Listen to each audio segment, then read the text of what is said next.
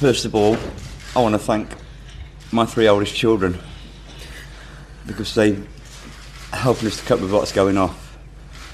And then there's a young lad called Daniel Stevenson who tried to get in the house the same as myself, um, Joe across the road, and the Butler brothers.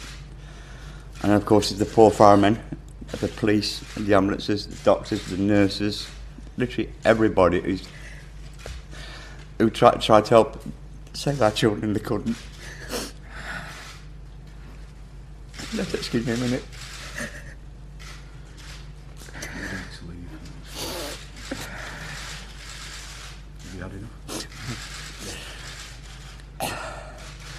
We've decided that through our son Dwayne, and unfortunately the last one to pass away, that we're going to donate his his organs to save another child, which is what we want because if you can save another child, that's, that makes us happy. It takes a bit of the pain away.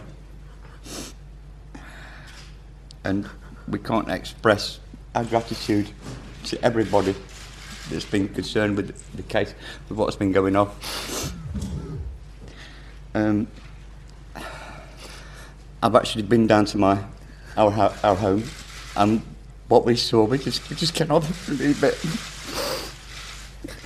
We grew up in a community that's been had a lot of problems with violence and, and God knows what else, and to see this community to, to come together like they have, it's just it's just too overwhelming.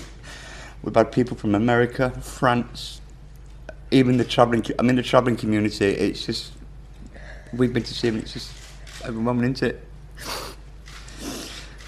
But I say I can't express enough the, the, the, police, the fire brigade, and the ambulance services because what we feel. Them poor gentlemen from the fire brigade who saw what what we've seen. You know, my heart goes out to them because it's not just us that's suffering; it's them as well. It's everybody. It's. But there's one thing I would request is please, please leave my family alone.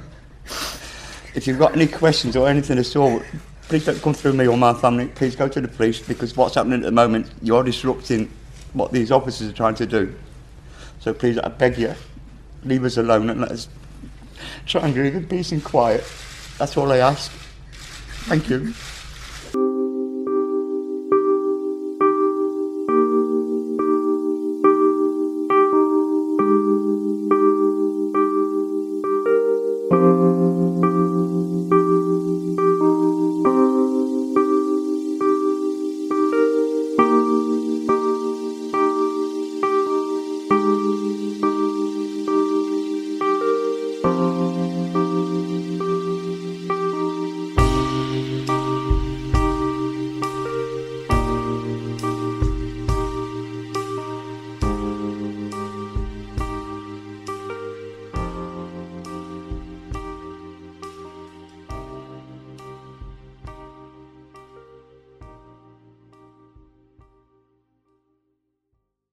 Ett års ålder försökte Philpott mörda Kim Hill, sin flickvän sedan två år. Deras förhållande började när hon var endast 15 år gammal. Han hade tidigare skjutit henne i ljumskarna med en armborst eftersom han tyckte att hennes klänning var för kort och hade krossat hennes knäskål med en hammare när hon ägnade för mycket uppmärksamhet åt en bebis som passade. Philpott försökte mörda Hill genom att sticka henne över ett dussin gånger när hon låg i sängen eftersom hon hade skickat honom ett brev där det stod att hon lämnade honom. Och han stack också Hills mor när hon kom till sin dotters hjälp. Hill hade kollapsade lungor, en punkterad urinblåsa, njure, lever. Philpott dömdes för mordförsök på Hill och för grov kroppsskada med uppsåt mot hennes mor och dömdes till sju års fängelse i december 78. Tyvärr så frigavs Philpott efter tre, endast tre år och två månader. Philpott gifte sig med Pamela Lomax 1986. Han hade tre barn med Lomax, två söner och en dotter. Lomax sa att Philpott var kontrollerande och att hon bad till Gud att han skulle gå vidare till någon annan. Hennes önskan uppfylldes när Philpott träffade Heather Kehoe, då 14 år gammal, i Rainworth. Philpott var 37 år gammal. På sin 16-årsdag rymde Kehoe från sina föräldrar för att bo med Philpott. Hon födde två barn, båda pojkar i snabb följd. Men Philpott misshandlade Chloe för att han ville ha en dotter. Chloe beskrev hur Philpott lärde sina äldre söner vara våldsamma mot henne. Philpott ville att Chloe skulle få fler barn, men hon blev inte gravid igen. År 1991 fick han en villkorlig dom på två år för misshandel som vållande av kroppsskada efter han hade skallat en kollega. År 2000 träffade Philpott Mary Reid Duffy, en 19-årig ensamstående mamma född i England i en irländsk familj som hade lämnat en tidigare våldsam relation. Duffy flyttade in hos Philpott strax efter och paret gifte sig i maj 2003. År 2001 träffade Philpott Lisa Willis, en 16-årig föräldralös och ensamstående mamma som blev hans älskarinna. Philpott bjöd in Willis att flytta in i hans radhus som var större än hennes. År 2002 blev Willis hans brudtärna på Philpotts och Duffys bröllop. Den 23 december 2002, efter att ha lämnat Philpott, fick Kehoe rättslig vårdnad om sina två barn. År 2010 fick Philpott en polisvarning för att ha slagit Mary Reed och dragit ut henne genom håret. År 2006 kritiserades Philpott kraftigt i tidningsmedierna när han begärde ett större kommunalt hus för sin familj som då bestod av hans fru Mary Reed, då 25 år gammal, hans älskarinna Lisa Willis, då 22, och fyra barn födda av Mary Reed, tre av Willis och Willis barn som blev till innan hon träffade honom.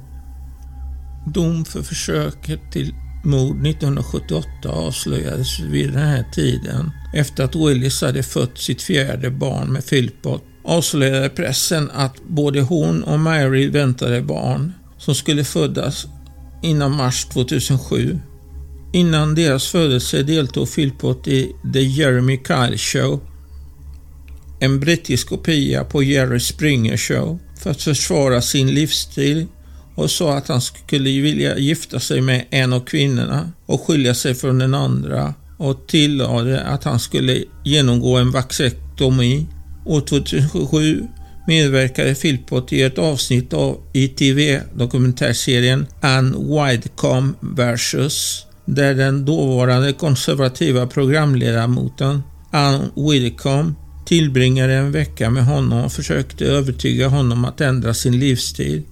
Nancy Banks-Smith i The Guardian rapporterade att Wildcom gav honom en stor bit av sitt sinne men flyttade istället för att sova i hans husvagn. Wildcom hade hittat tre jobb åt Philpott, varav ett var på ett tunnbinderiföretag, men han dök inte upp till arbetet första dagen och jobbet föll igenom. I dokumentären visades att Philpott bodde i en husvagn i sin trädgård där hans fru och älskarinna alternerade att inbringa sina nätter med honom. Wildcombe sa att Philpott inte brydde sig om någon och att han använde ordet bitch för att hänvisa till både sin fru och älskarinna. Wildcombe noterade också att ingen av hans barn sökte tillgivenhet från honom. Det avslöjades under Philpotts rättegång för dråp att Mary hade blivit gravid med en annan man med Philpotts välsignelse, en aktivitet som de började delta i under 2011. Marderid hade en abort på Philpotts instruktion. Branden. Den 11 maj 2012 skadades Philpott-familjens hem allvarligt av eld runt klockan 04.00. Fem barn, Jade 10, John 9, Jack 7, Jesse 6 och Jadin 5 som hade sovit på övervåningen dog alla på platsen medan deras halvbror Dwayne 13 dog på sjukhuset två dagar senare. Alla dessa dödsfall orsakades av rökutveckling. Under dagarna efter branden höll familjens lokala katolska kyrka minnesgudstjänster den 16 maj höll Philpott och hans fru en känslosam presskonferens där de påstod sig beskriva händelserna kring branden.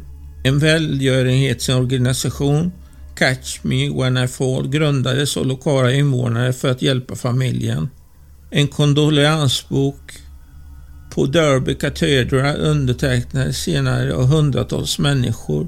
En fond för att betala för begravningarna samlade in över 11 000 pund från människor som bodde i samma område som Philpotts.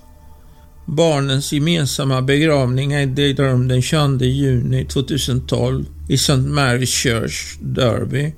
Och Mick och Mary Philpott närvarade inte eftersom de var båda häktade och åtalade för mord.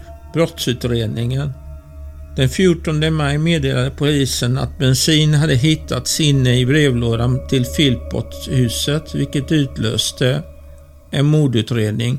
Willis, som hade en rättegång angående vårdnad om sina barn med Philpott planerad till morgonen för branden, arresterades initialt misstänkt för mord tillsammans med sin svåger Ian Cousins, men båda släpptes utan åtal. Samtidigt rapporterade vittnen att Philpott betedde sig märkligt för någon som nyligen hade förlorat flera av sina barn. Han verkade gilla uppmärksamheten från medierna. Polisen avlyssnade Philpotts fåtöljrum och fick bevis som bekräftade att paret var ansvariga för branden, inklusive vännen Paul Mosleys medverkan med vilken Mary hördes ägna sig åt en sexuell handling. Philpott och Mary Reid arresterades misstänksamma för mord den 28 maj 2012. Efter att ha begärt ytterligare tid för förhör åtalades paret för mord den 30 maj 2012. En kasserad bensindunk och handske hade hittats nära huset och i november upptäckte rättsläkarna att kläderna på Philpotts och Mosley hade bensin på sig. Den 5 november arresterades och åtalades Mosley för mord. Detta åtal nedgraderades senare till dråp. Mosley hade tidigare arresterats i utredningen men släpptes på bardingen i juni 2012. Åtalat mot Philpott och Myrie reducerades också till dråp eftersom det beslutades att paret inte hade avsikt att döda sina barn. Istället ville de rama in Willis för branden återfå vårdnaden om barnen och fortsätta att kräva förmåner för dem. Rättegången inleddes vid Nottingham Crown Court den 12 februari 2013. Åklagare Richard Latham ledde åtalet. Anthony Orchard ledde försvaret för Philpott. Sean Smith ledde försvaret för Myrid och Benjamin ledde försvaret för Mosley. Den 2 april befanns Philpott och Mary Reed tillsammans med Mosley skyldiga till dråp på de sex barnen. Straffet skulle äga rum den 3 april men sköts upp eftersom domaren Mrs Justice Thurwall ville ha mer tid att överväga straffet. Philpotts tidigare brottsliga meriter hade inte avslöjats för juryn. Avslöjades däremot vid detta tillfälle. Efter en åtta veckor lång rättegång befanns Philpott och hans fru Mary tillsammans med deras vän Paul Mosley skyldiga till dråp på Philpotts sex barn. Philpott dömdes till livstids fängelse med ett minimistraff på 15 år. Senare dömdes Philpott även till livstids fängelse och är en massmördare. Psykologen Glenn Wilson beskriver Philpott som kliniskt en psykopat och exhibitionistisk med antisocial personlighetsstörning. Mary Reid och Mosley dömdes till 17 år vardera, varav de måste avtjäna åtminstone hälften innan något frigivning kommer på tal. Mojade 10, Jan 9, Jack 7, Jesse 6 och Jadin 5. Vila i frid. Och då är en 13 också. Det dog alldeles för tidigt av en psykopat som tänkte på sig själv mer än på sin egna familj.